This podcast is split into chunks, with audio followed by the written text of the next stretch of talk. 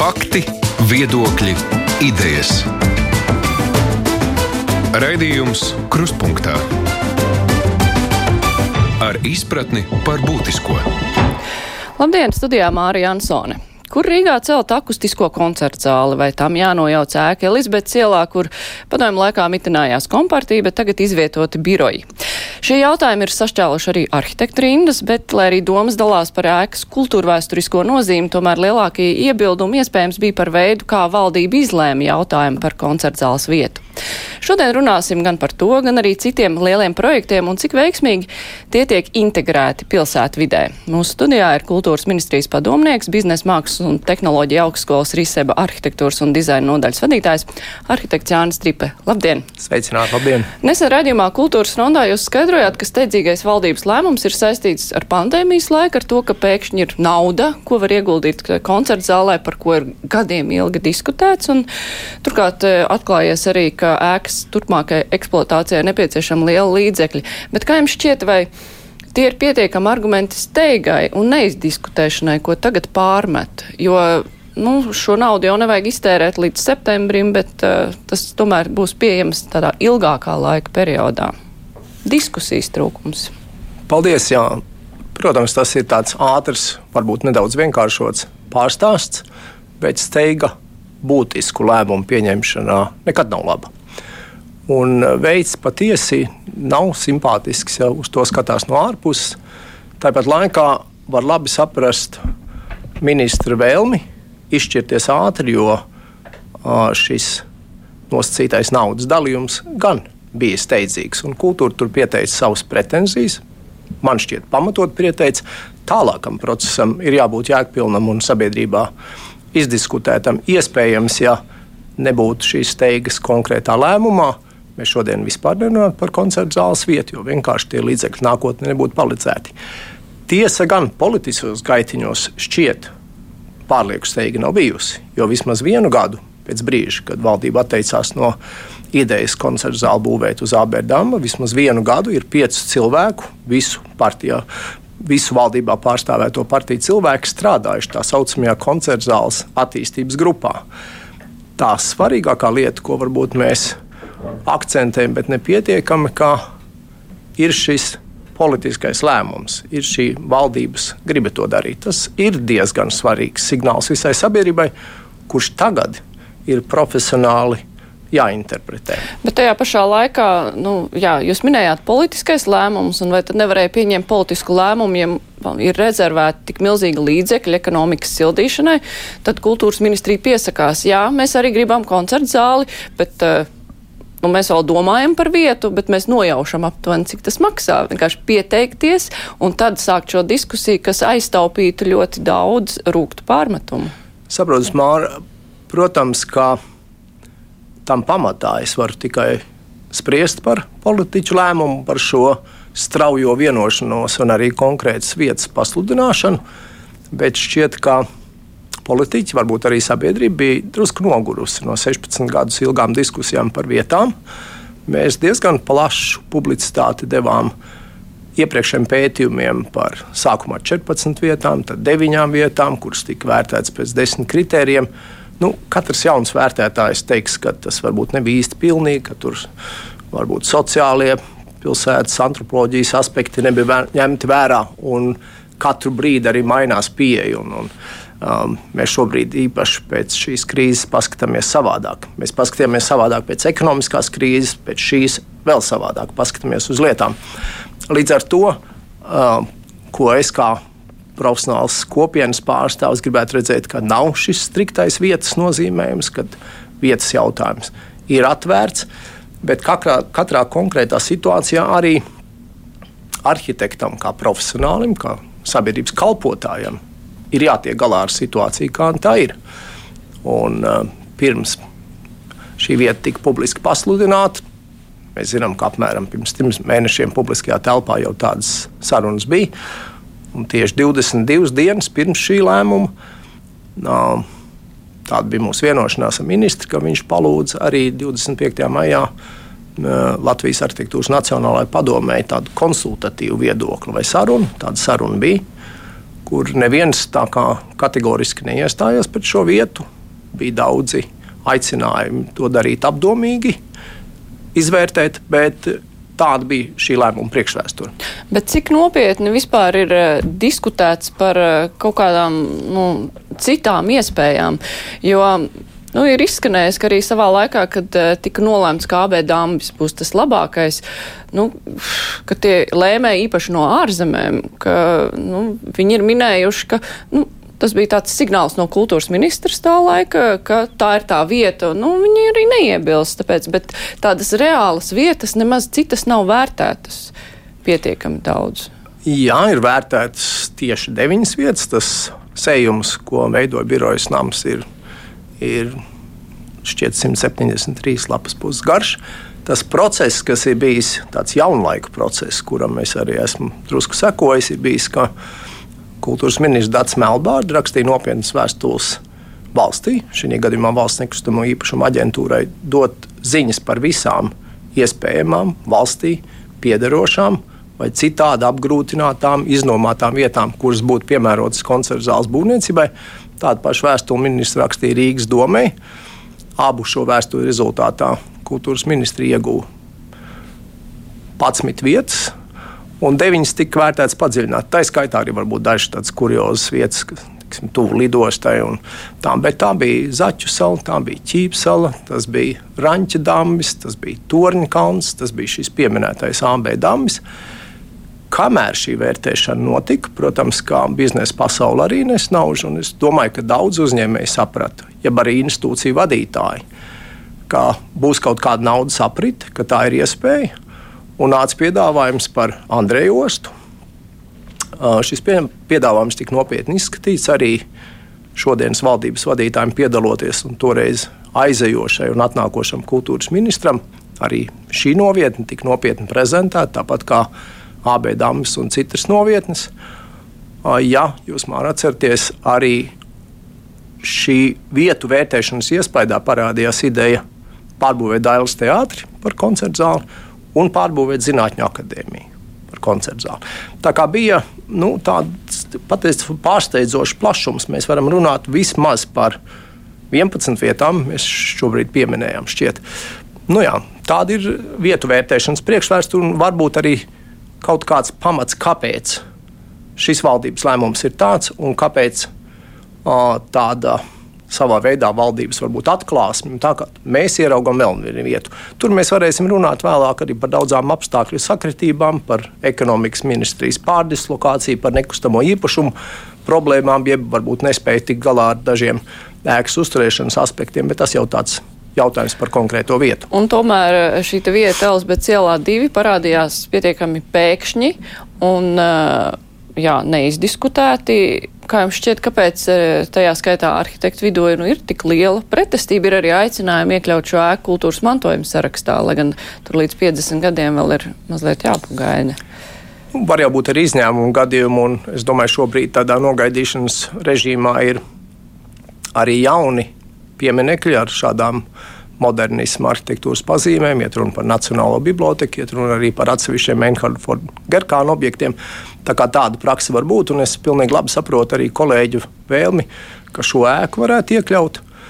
Un šeit man jāsaka, ka ar īpašu cieņu es skatos šajā procesā uz, uz savu kolēģi Jūlu Lukševicu, kurš vienmēr ir bijis modernisma aizstāvis. Arī tajā brīdī, kad bija doma Rīgas silueta tādai vēsturiskai tīrībai vai uztvers iespējai, ka varētu valdība šķirties no zemkopības ministrijas, kuras tādā atjaunošanā arī būtu jāiegulda ievērojami līdzekļi. Jau to laiku Ulas Lukšvica kolēģiem iestājas. Tomēr tas ir moderns mantojums. Jā, iespējams, siluetam traucējuši, bet tā ir visa mūsu sarežģītā vēsture. Šoreiz viņš konsekventi ir tajās pašās, pašās pozīcijās. Un diezgan aktīvi tam ir mm, piebiedrojis vēl viens eh, ļoti talantīgs arhitekts no tās pašas paudzes, Pēters Bajārs. Tā kā nav pārsteigums. Un, eh, man eh, šķiet jāciena visi cilvēki, kuriem ir stingrs viedoklis pārbaudītā laika periodā, tāpēc arī pieminēju Uldi, un viņi ir konsekventi modernismu aizstāvi. Cits aspekts, vai mēs vērtējam aizsargājot modernismu pieminekli sabiedrības labumus, vai mēs sveram svaru kausu un sakam, ka kāda šī ēka ir pēc savu funkcionālā risinājuma, kā tas savulaik ir no pilsētu plānošanas viedokļa. Noticis, ka ēka parādījusies šāda slēgta, liela biroja ēka, 16,000 km2 parkā. Un vai tā turpmāk nesies sabiedrībai labumu, vai tā būs atvērta ēka sabiedrībai? Tie ir tie smalkie jautājumi, kuri būtu tagad mierīgi, bez karstuma, jāizvērtē un jādod skaidra atbilde sabiedrībai. Kultūra vēsturiskā mantojuma saglabāšana jau arī ir sabiedrības labumam. To jau glabā nevis eh, kādam uz mēnesi, bet tā sabiedrībai, jā. kas te dzīvo. Bet, uh, ja es jums jautāšu, Mārādī, vai 16,000 km2 liela ēka, parkā kā biroja ēka vienai ministrijai, jums tieši dod kādu labumu, tad droši vien, ka jūs arī padomāsiet šī gadījumā. Tāpat kā jūs padomāsiet, ja mēs teiksim, ka tieši šāda schēma plānojuma tika īstenota pirms 16 gadiem, 58. gadā, kompartijas ēka Latvijā 74. ka tas ir tāds pasaules viena izcila objekta teiksim, interpretācija Rīgas apstākļiem. Un visi šie aspekti jāliek kopā, vai tā ir tā unikalitāte un novitāte. Tas, ko uzsver Nacionālā kultūras mantojuma pārvalde šī gadījumā, kā, kā izteikti tāda voluntāra parādība un visu plānojuma principu noliekšana, un kā iebūve parkā, šī ēka nav vērtējama kā kultūra vēsturiski vērtīga māja. Tur es arī domāju, ka arī šīs institūcijas viedoklī ir jāieklausās tāpat kā sabiedrības viedoklī, tāpat kā manis pieminēto kolēģu viedoklī. Jūs varbūt arī sekojāt diskusijai televīzijā simts gramos kultūras, un, manuprāt, ar tādu skatu no malas, jau ar distanci, bet apkalnu, kur ir piedzīvojis tādas peripetīs, topot Elbas filharmonijai. Tikai aicināja mūs mierīgi izsvērt un likt svarakausos visas tās vērtības un sabiedrības labumu akcentēt kā galveno. Un to es arī gribētu teikt, ka arhitektiem jāpatur, jo prātā, jo arhitekti ir tāda tāda sabiedrības kalpotāja profesija, profesionāli. Tas ir tiešām svēršana, šī, šai svēršanai ir jānotiek. Bet vai Elbas filharmonija nebija tas sliktais piemērs, eh, kad eh, beig beigās sanāca ļoti dārgs projekts? Un tad ir jautājums, vai. Nu, patiešām vajadzēja iz, tādu projektu, kur izmaksas pieauga kosmiski gandrīz, vai, un kas, diemžēl, arī Latvijai ir raksturīgi. Jā. Nu, Hamburgai tas ir absolūts zīmols un, un veiksmes stāsts tagad tapšanas periodā autori Hercogs un Merons, pasaules klases arhitekti, ironizēja, ka par viņu projektu ir presē nodrukāts tikpat daudz materiālu kvadrātmetros, cik pat Elbas filharmonija. Viņi ar mazu ironiju šo demonstrēja vienā no Venecijas bienālēm, tāpat kā Ulrichs Lukšvits 14. gadā Venecijas bienālē lieliski demonstrēja Latvijas modernismu mantojumu. Uh, nu, Dāņu pētnieks Bens Flībjergs kurš ir speciāli šos megaprojektus uh, pētījis. Sākot Sidnejas operu, Parīzes filharmoniju, Elpas filharmonijas. Spilgts piemērs saka, ka gandrīz vienmēr šie projekti rosina sabiedrības plašu diskusiju par novietni, izmaksām un dizainu. Un tās vienmēr bija karstas diskusijas. Jūs zināt, ar ko beidzās Sidnejas opera. Autors Jans Utsons izcils dāņu arhitekts.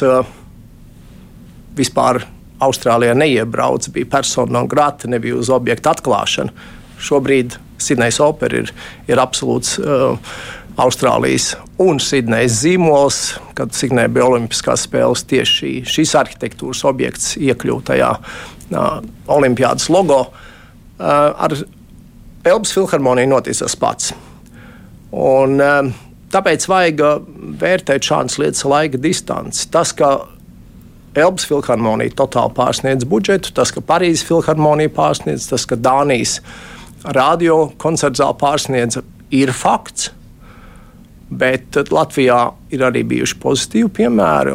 Mēs, kad būvējām Nacionālo biblioteku, tad bija labs līgums celtniekiem, bet uh, līgumā noteiktā summa netika pārsniegta ne par vienu eiro. Uh, un pateicoties starptautiskai uzraudzības kompānijai, un tā bija uh, Hill International, kas operē 69 pasaules valstīs. valsts ietaupīja aptuveni 9 miljonus eiro no sākotnēji noliktās summas, jo bija formula, ja krīzes gadījumā celtniecības procesi kļūs lētāki, tad celtnieks saņems mazāk atlīdzību.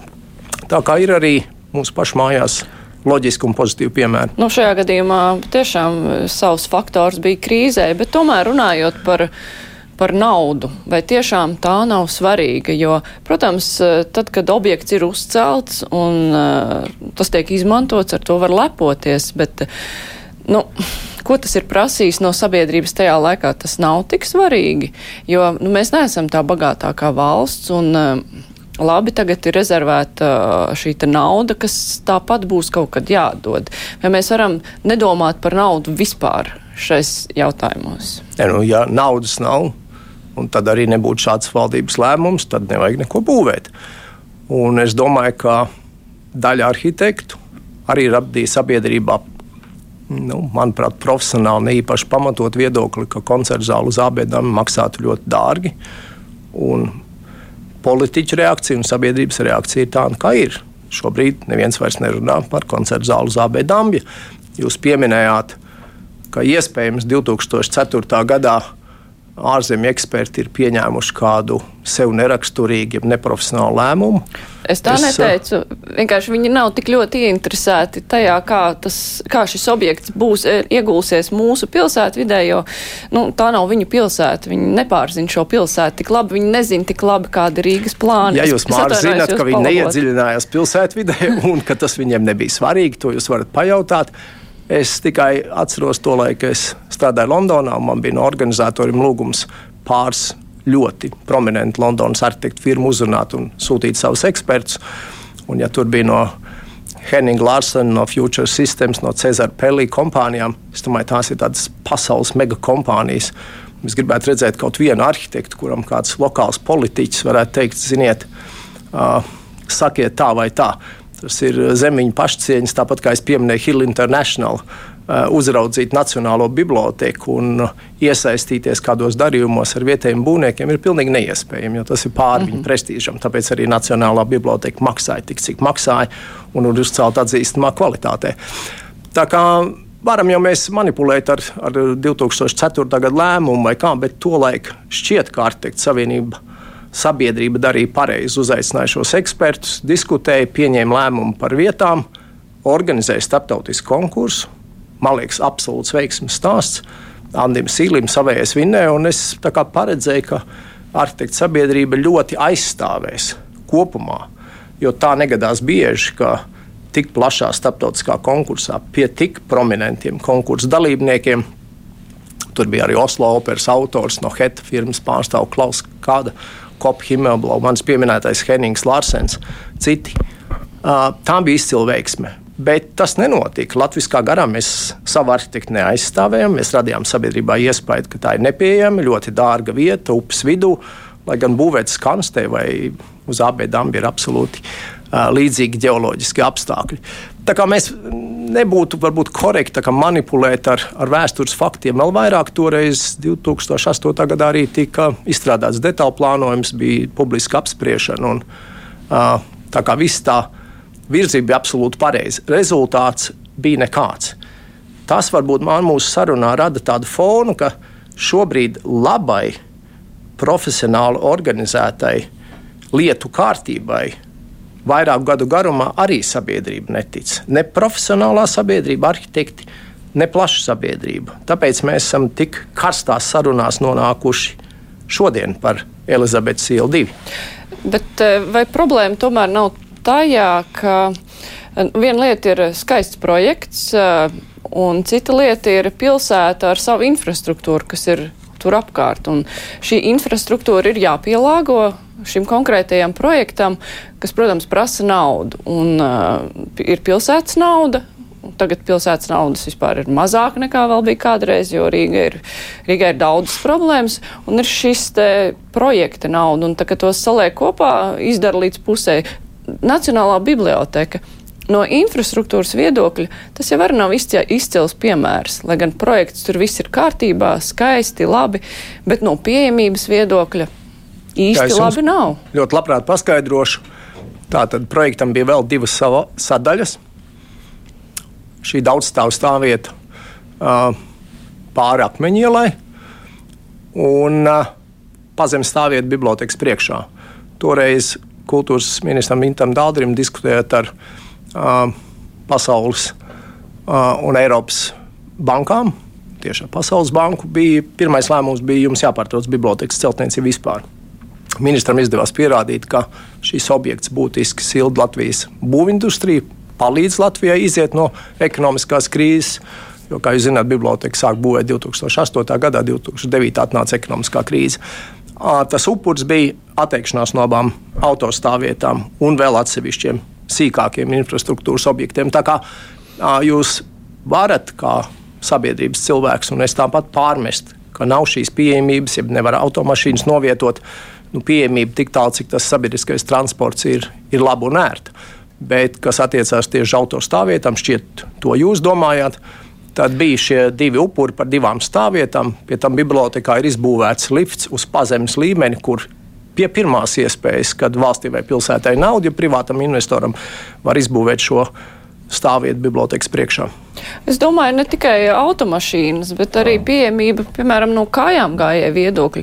Tur ir milzīgas, grūti šķērsojams ielas. Un, un, ja, piemēram, bibliotekā notiek kāds liels pasākums, kas ir saistīts ar Rīgas centru, tad nokļūt, teiksim, es nezinu, iedomājos reiz kāds kinofórums, kur kinoteātri tur un bibliotekā, piemēram, notiek kaut kādas tur konferences. Nērti. Ja man, atkal, gan... man atkal man jums jāatgādina, nu, mūsu pienākums arhitektiem ir profesionāli plānot un pilsētas plānotājiem. Šobrīd ir 2020. gads. 2018. gadā pēc visiem plāniem akmens tiltam bija jābūt kā gājēju tiltam un tikai sabiedriskam transportam. Līdz ar to jūs ērti no vecrīgas atnāktu. Un Daugaus krastmalai, kur valsts ir izprojektējusi, bet mēs zinām, ka pilsētā bija mēreni kreisa valdība un neviens liels infrastruktūras objekts netika realizēts. Tad šī Daugaus promenāde ar visām tām saitēm, tā skaitā tilta abēdām galā, ir izprojektēta. Tai bija jābūt gatavai uh, man liekas, 2016. gadā pēc pilsētas plāniem.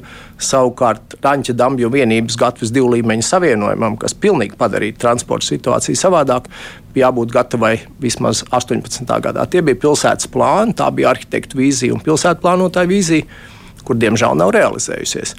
Tā nav īsti varbūt profesionāla atbildība, tā vairāk ir pilsētas vara un politiska atbildība. Bet uh, varbūt arī tur slēpjas tā pretestība kaut vai pret to pašu AB dambi. Jā, jo viena lieta ir plāni, bet otra lieta ir, kā tas pēc tam praktiski realizējās. Un jo sarežģītāk ir ielikt uh, kādu projektu noteiktā vietā, jo mazāk cerības, ka viss tiks izdarīts nu, līdz pēdējiem, zinot mūsu rūkto pieredzi. Jā, nu, tad mēs atgriežamies pie tāda drastiskāku paziņojumu, tad nebūvējam neko, jo mēs nevarēsim nogarantēt perfektu šī projekta realizāciju. Ja mēs vēl tik izvērsti runājam par AB dāmu un solījumiem, tad atceramies, ka AB dāmas ir tiešām tikai tehniska būve. Tā nav ar tādu milzīgu vēsturi un šo teritoriju drīkst un vajadzēja un varēja transformēt. Viens tilts trejādības galā daudz ko atrisināt, un es gribu teikt arī, ka jūsu paudzei, un arī manai paudzei, ir drusku jāpārdomā tā vēlme piebraukt visur ar savu personīgo mašīnu. Es domāju, ka 21. gadsimta otrajā desmitgadē tas patiesībā vairs nav labs stils. Un tad, ja mēs saskaitām attālumu teiksim, no abām koncerta zāles novietni un abiem tiltiem, tad vienā gadījumā tie ir 340 metri, otrā 230 metri. Pa šiem tiltiem 26 maršruti kursē, 4 dažādi transporta veidi, vairāk no tiem caur diennakti. Runāt par tādu nepieejamību ir mazliet arī mazliet pavirši, es teiktu, šī gadījumā. Es vairāk eh, šajā gadījumā aizstāvu kājām gājējus. Es esmu liela kājām gājēja, un es zinu, cik grūti ir par Rīgu pārvietoties, lai nokļūtu kaut kur. Nu jā, abi dāmas nav tas gadījums, lai no autobusu pieturas, neko nešķērsojot, nonākt šur. Bet, protams, bija. Jā, viens kājām gāja tilts, viens transporta tilts bija jāuzbūvē, un tas bija jārada. Bet, uh, Droši vien, ka šobrīd mēs vairs nerunājam par AB dambi, jo, kā jau teicu, profesionālā sabiedrība, plaša sabiedrība. Kā nolika malā visu šo iepriekšējo procesu, vienošanos, kurai ir varbūt dažādas interpretācijas, tā skaitā jūs. Mēs par to nerunājam. Šobrīd ir atvērta jauna lapus un atkal jaunas karstas diskusijas. Jā, es gribētu atgādināt eh, Latvijas radio klausītājiem un arī Latvijas televīzijas skatītājiem, ka šodien mūsu studijā ir kultūras ministrijas padomnieks un e, kultūras ministrijas eksperts un augstskolas Riseba eh, arhitektūras un dizaina nodaļas vadītājs arhitekts Jānis Tripe. Raidījums Krustpunktā. Runājot par vēl kādu lielu projektu, ar ko saskars Rīga, ne tikai Rīga, bet Rīgu tas ietekmē ļoti būtiski, tas ir Real Baltica. Um, brīnišķīgais stacijas projekts, kurš patiešām padarīs citādāku uh, rajonu ap tirgu, ap staciju, pieejamāku gājējiem. Tas ir ļoti skaists projekts. Um, tas droši vien daudz diskusijas par tā ērtību neraisa, bet uh, problemātiskāka ir tā daļa, kas atrodas Daugaus kreisajā krastā, jo Nu, Rīga atšķirās ar to, ka mums būs lokus uz lidostu, kas skar ārkārtīgi daudz blīvi apdzīvotas teritorijas. Um, kā jums šķiet, uh, Cik lielā mērā realizējot šādus projektus var upurēt uh, cilvēku ērtības, kultūras mantojumu, nu, tīri šo te nu, projektu vārdā, jo, lai visu izdarītu, nu, tā, tiešām tā, ka katrs ir apmierināts iedzīvotājs, tas parasti ir ļoti dārgi un bieži vien kaut ko nākas upurēt. Um, kur ir tas tā robeža, līdz kuram kompromisi var aiziet no abām pusēm? Nu, visu dzīvi pilnu kompromisiem, bet Mārcis šeit gribētu oponēt, ka uh, Daugavas labajā krastā ir viss ir kārtībā. Un man bija tas gods vadīt arī starptautisku žūriju, pie tam tur bija ļoti prominenti cilvēki no, no Bolas un Wilsona kompānijas, Jonatans Kendals no Londonas. Mēs toreiz uzsvērām žūrijā, un starp citu pieņēmām piešķirot divus, nosakot divus uzvarētājus. Šī diskusijā par Elizabetes ielu divi novietnī iesaistīt autoru Pēteru Bajāru projektu, akcentēt to, to ka Pēters bija ar savu projektu aprādījis, cik svarīga ir tālākā teritorija ap šīm tā nosacīta Eiropas attiecināmām izmaksām. Un nav tā, ka labajā krastā ar to projektu viss ir kārtībā un ka tā stacija skaisti būvēsies. Kā labais, tā kreisais krasts kliedz pēc šīs paplašinātās skatu uz lietām. Jo Eiropas attiecināmās izmaksas mums tiešām atrisinās pašu stācijas būvi, sliežu ceļu būvi, tehnisko tiltu pāri Daugavai. Jā, ērtāka gājēju satiksme, ērtāka velosipēdistiem, bet tas vēl nav viss. Tāpēc šobrīd ir ļoti aktuāls grupas 93 lokāla plāns, kas uz teritoriju pastāv plašāk. Ļoti svarīgi ir visa telpa zem šī noraktā uzbēruma, kas ļaus mums, teiksim, kungu ielas asī ērti aiziet līdz centrāla tirgum, nevis kā tagad, viens tunelis un tā tālāk. Tā kā gājēju šķērsojam zemes līmenī 13. janvārī, lai transporta nomierināšana, visi gājēji velosipēdistu ceļu sajūgumi, kārļa baseina renovācija, daļēji tirgus renovācija, aizmugure neiedzīgi savā laikā iebūvētiem Stokmanu korpusam, patiesa Rīgas autoostas renovāciju, kur starp citu atkal projekta autors ir Pēters Bajārs. Šobrīd ASI diskusē, diskutē ar, ar uh, Nacionālo kultūras mantojuma pārvaldi par autoostas iespējamo renovāciju, kas arī ir modernisma piemineklis. Pēters ir devis vēl vienu korpusu blakus, un tagad kolēģi viņam aizrāda, ka tā ir iespējams necieņa pret Minsa radīto modernismu objektu. Un tā, tā kā, uh, mūsu profesionālā pasaule ir karstu diskusiju pilna. Un man šī gadījumā gribētos redzēt tādu patiesu autoostas attīstību, jo Pētera Bajāra piedāvātais viesnīcas projekts, manuprāt, ir adekvāts, varbūt ne gala arhitektoniskā formātā, bet funkcionāli pilnīgi noteikti. Jo šī vietā sakoncentrēsies cilvēku plūsmas, autoplūsma, dzelzceļa plūsma, lidosta, kādam vajadzēs vienu nakti pārgulēt Rīgā un tā tālāk. Tas būtu ļoti ērti. Un tas, ko viņi piedāvā, ir sabiedrībai publiskās ārtelpas ieguvē pret Kārļa basēnu ir vienkārši lielisks piedāvājums. Un te tieši nonākam pie tā, ko jūs jautājat. Ko būvējot, iegūstam un ko upurējam? Ja mēs ļaujam vienu modernismu pieminiektu pārveidot, bet sabiedrības iegūms no tā ir lielāks, tad es teiktu, jā, ejam uz kaut kādu kompromisu. Ja mēs gribam iekapsulēt autoostas situāciju un neļaut teiksim, Pēterim būvēt šo vienu korpusu viesnīcai, iespējams, tāds viņš arī paliks mūždien. Autoostas neredz tur nekādu attīstību. Viņi arī skaita savus ciparus un biznesu, par ko jūs ļoti krāsaini runājāt mūsu pieminētos koncertu zāles projektos. Tā kā uh, uzsvars ir uz sabiedrības labumu un kompromisu izsvēršanu. Jo tie būs vienmēr. Un droši vien tad mēs nonākam pie kreisā krasta un Rail Baltica trases tālāk, kas, protams, ar tuneli mazāk, jo tunelis būs pazemē, bet tās atvērtajās daļās, kur ir uzbērums. Uzbērums, jebkurā gadījumā, ir pilsētas sadalījums divās daļās. Par to ļoti jauki viesturs Celmiņš runāja, kad mēs ar ISEBS studentiem skatījām projektu Knowledge Mile, tad tā izglītības jūdzes kreisajā krastā, kur šiem savienojumiem ir jābūt daudz un ērtiem. Un to pašu darīja mūsu studenti tagad kopā ar saviem ārzemju profesoriem, risinot Tornkalnu staciju, kurai jābūt multifunkcionālai, sabiedrībai atvērtai, pieejamai, respektējot visus vēstures mūsu pieminekļus un tā tālāk. Uh, jā, tas vienmēr būs jautājums par pirmkārt par sabiedrības iesaisti un par loģisku kompromisu izvērtējumu sabiedrības labā. Nu jā, kas ir ērts šķērsojums no. Nu, Jā, es pat nevaru teikt, no kāda viedokļa. Jo bija viena vizualizācija, kur arī bija tas um, Real Baltica valnis un uzzīmēts tāds. Um, Nu, kā tagad ir pāri šosejām, iet tāda lentveida celiņš pāri un tad tiltiņš otrā pusē un smukā vasaras dienā liekas, vai cik jauki iet pa tādu tiltiņu.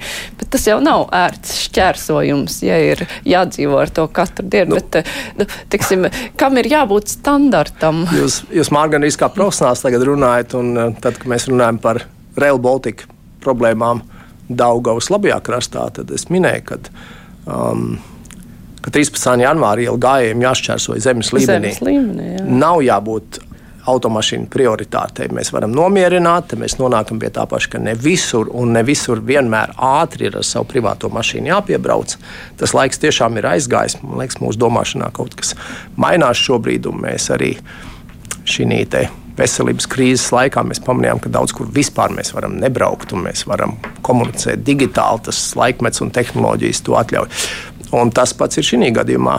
Protams, Latvija, paldies Dievam, ir četru gadu laiku zeme. Mums nav mūžīgā vasara un visi šie šķērsojumi, kas ir otrā līmenī, ir dažādu pauģu cilvēkiem, radīs dažādu vēlmu to.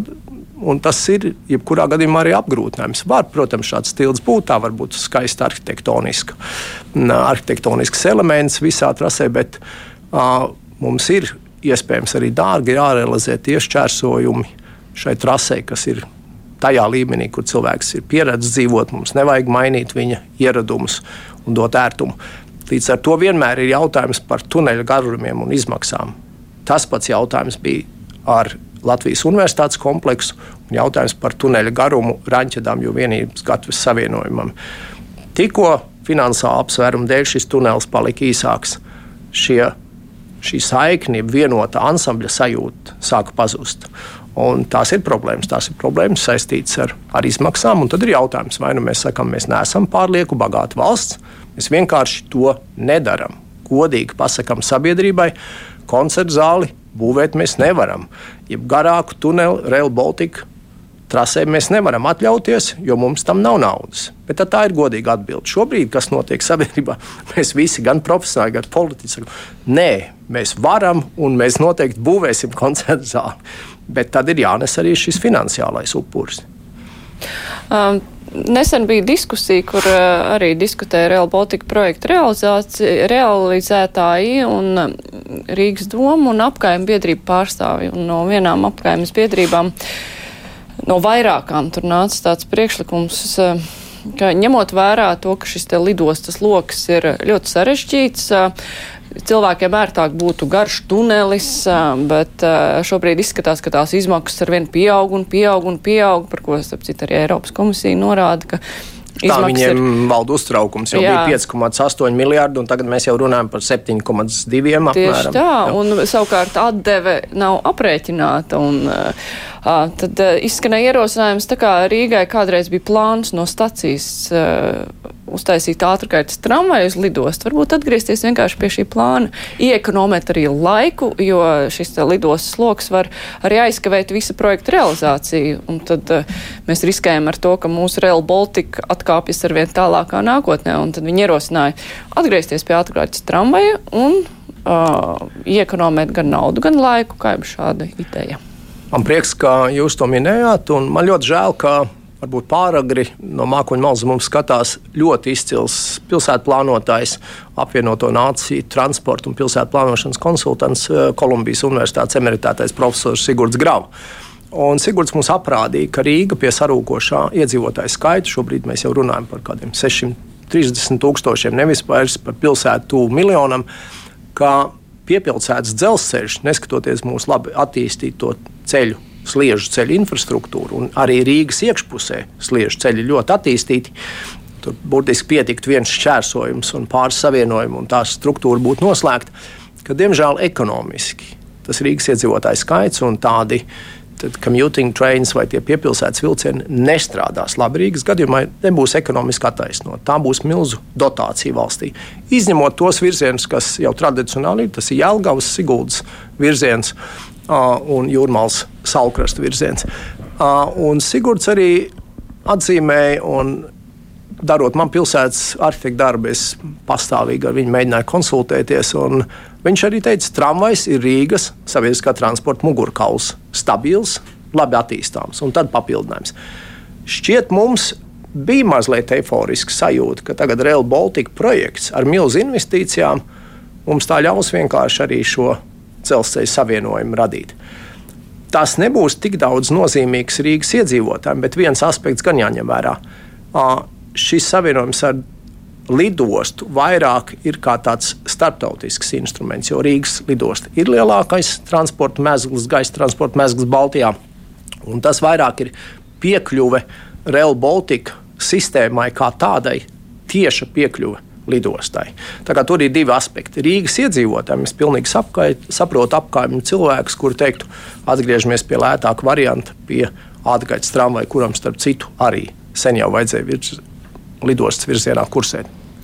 Uh, bet, uh, nu, kas mūsu gadījumā būtu svarīgāk? Daudzie, daudzie Rīgas iedzīvotāji vai nezināms skaits uh, braucēji no Tallinas, kur nokļūs ārkārtīgi ērti lidostā Rīga, lai gan viņi varētu arī ļoti ērti, ja ir tāds uh, labs kaut vai piepilsētas vilciens vai tramvajs, nu, ar vieglu pieeju no Real Baltica stacijas, multimodālās, turpat tramvajs un tad aizbraukt. Lai kā mēs vērētos, mēs ar jums divu sarunu to neatrisināsim, tad pie šī galda, nezinu, pelēkā, sarkanā vai baltā segmenta ir jāsēž teiksim, Mārtiņam Gausam, kas rūpējās par lidostas Rīgas biznesu, Latvijas dzelzceļa šefam, pilsētas mēram. Vēl droši vien dažām personām, varbūt viesturam Celmiņam, kādam sociālam antropologam, pilsētu plānošanas ziņā, un jāliek visi šie aspekti kopā. Jo ir gan šis starptautiskais aspekts, un par to mums Eiropa dod naudu. Un es gribu vēl teikt, šī konkrētā projektā un tai saiknē ar starptautiskiem maršrutiem un virzienu nu, visnotaļ ir arī politiska dimensija. Es domāju, mēs visu laiku bijām pieraduši, ka mums ērts sliedas ved austrumu virzienā, tad šis ir pēdējais un pareizais mirklis pārorientēties. Un, man liekas, tā kā tīri politiski, politi ekonomiski un ar tādu nākotnes redzējumu, tad, protams, šis virziens un Pirmkārt, tas savienos trīs Baltijas galvaspilsētas, arī piesaistot Kaunu. Otrs, mums tas dos pilnīgi citu dimensiju teiksim, mūsu domāšanā un, un saiknē ar, ar, ar mūsu kolēģiem Rietumē Eiropā. Bet, diemžēl, šī saruna, ko jūs minējāt, kur ir visi, visi pie viena galda, laikam tomēr ir izpalikusi. Nu, bija tāds vēlējums, es jau pieminēju, un es negribētu kaut kā īpaši izcelt mūsu žūriju, mūsu žūrijas pilnīgi tādu vienbalsīgo vienošanās, ka mēs ar, ar trekniem burtiem ierakstījām žūrijas lēmumā, ka steidzami jāraud līdzīgi kāds bija bibliotekas gadījumā, bija tāda starpresoru un sabiedrības pārstāvju iesaistīta pāraudzības komiteja ja padome, ka tāda jārada Real Baltica. Tas diezgan ilgi nenotika. Beidzot, uh, Ušako kungs ar, ar Augļu kungu apsēdās pie viena galda kopā ar profesionāļiem. Bija diezgan labi solījumi un tādas nākotnes vīzijas. Šobrīd amatā nav neviens ne otrs, un man ir prieks par Rīgas mēra kandidātu Oļegu Burovu vienu šo organizēto sanāksmi Nacionālā bibliotekā, kur viņš teica, šo jautājumu mēs atkal nopietni atveram. Uh, nu, šobrīd tas bezvaras stāvoklis Rīgas pilsētā neļauj par to nopietni domāt, bet šķiet, ka pēc 29. augusta Rīgas valdība nebūs to aizmirsusi un saziņā ar satiksmes ministru kaut kas notiks. Un vismaz būs ar ko runāt. Es saku paldies. Šodien eh, mūsu studijā bija kultūras ministrijas eksperts un augstskolas Riseba eh, arhitektūras mākslas un dizaina nodaļas vadītājs arhitekts Jānis Dripe. Paldies jums! Paldies jums par interesi! Paldies! Paldies! Vislabāk!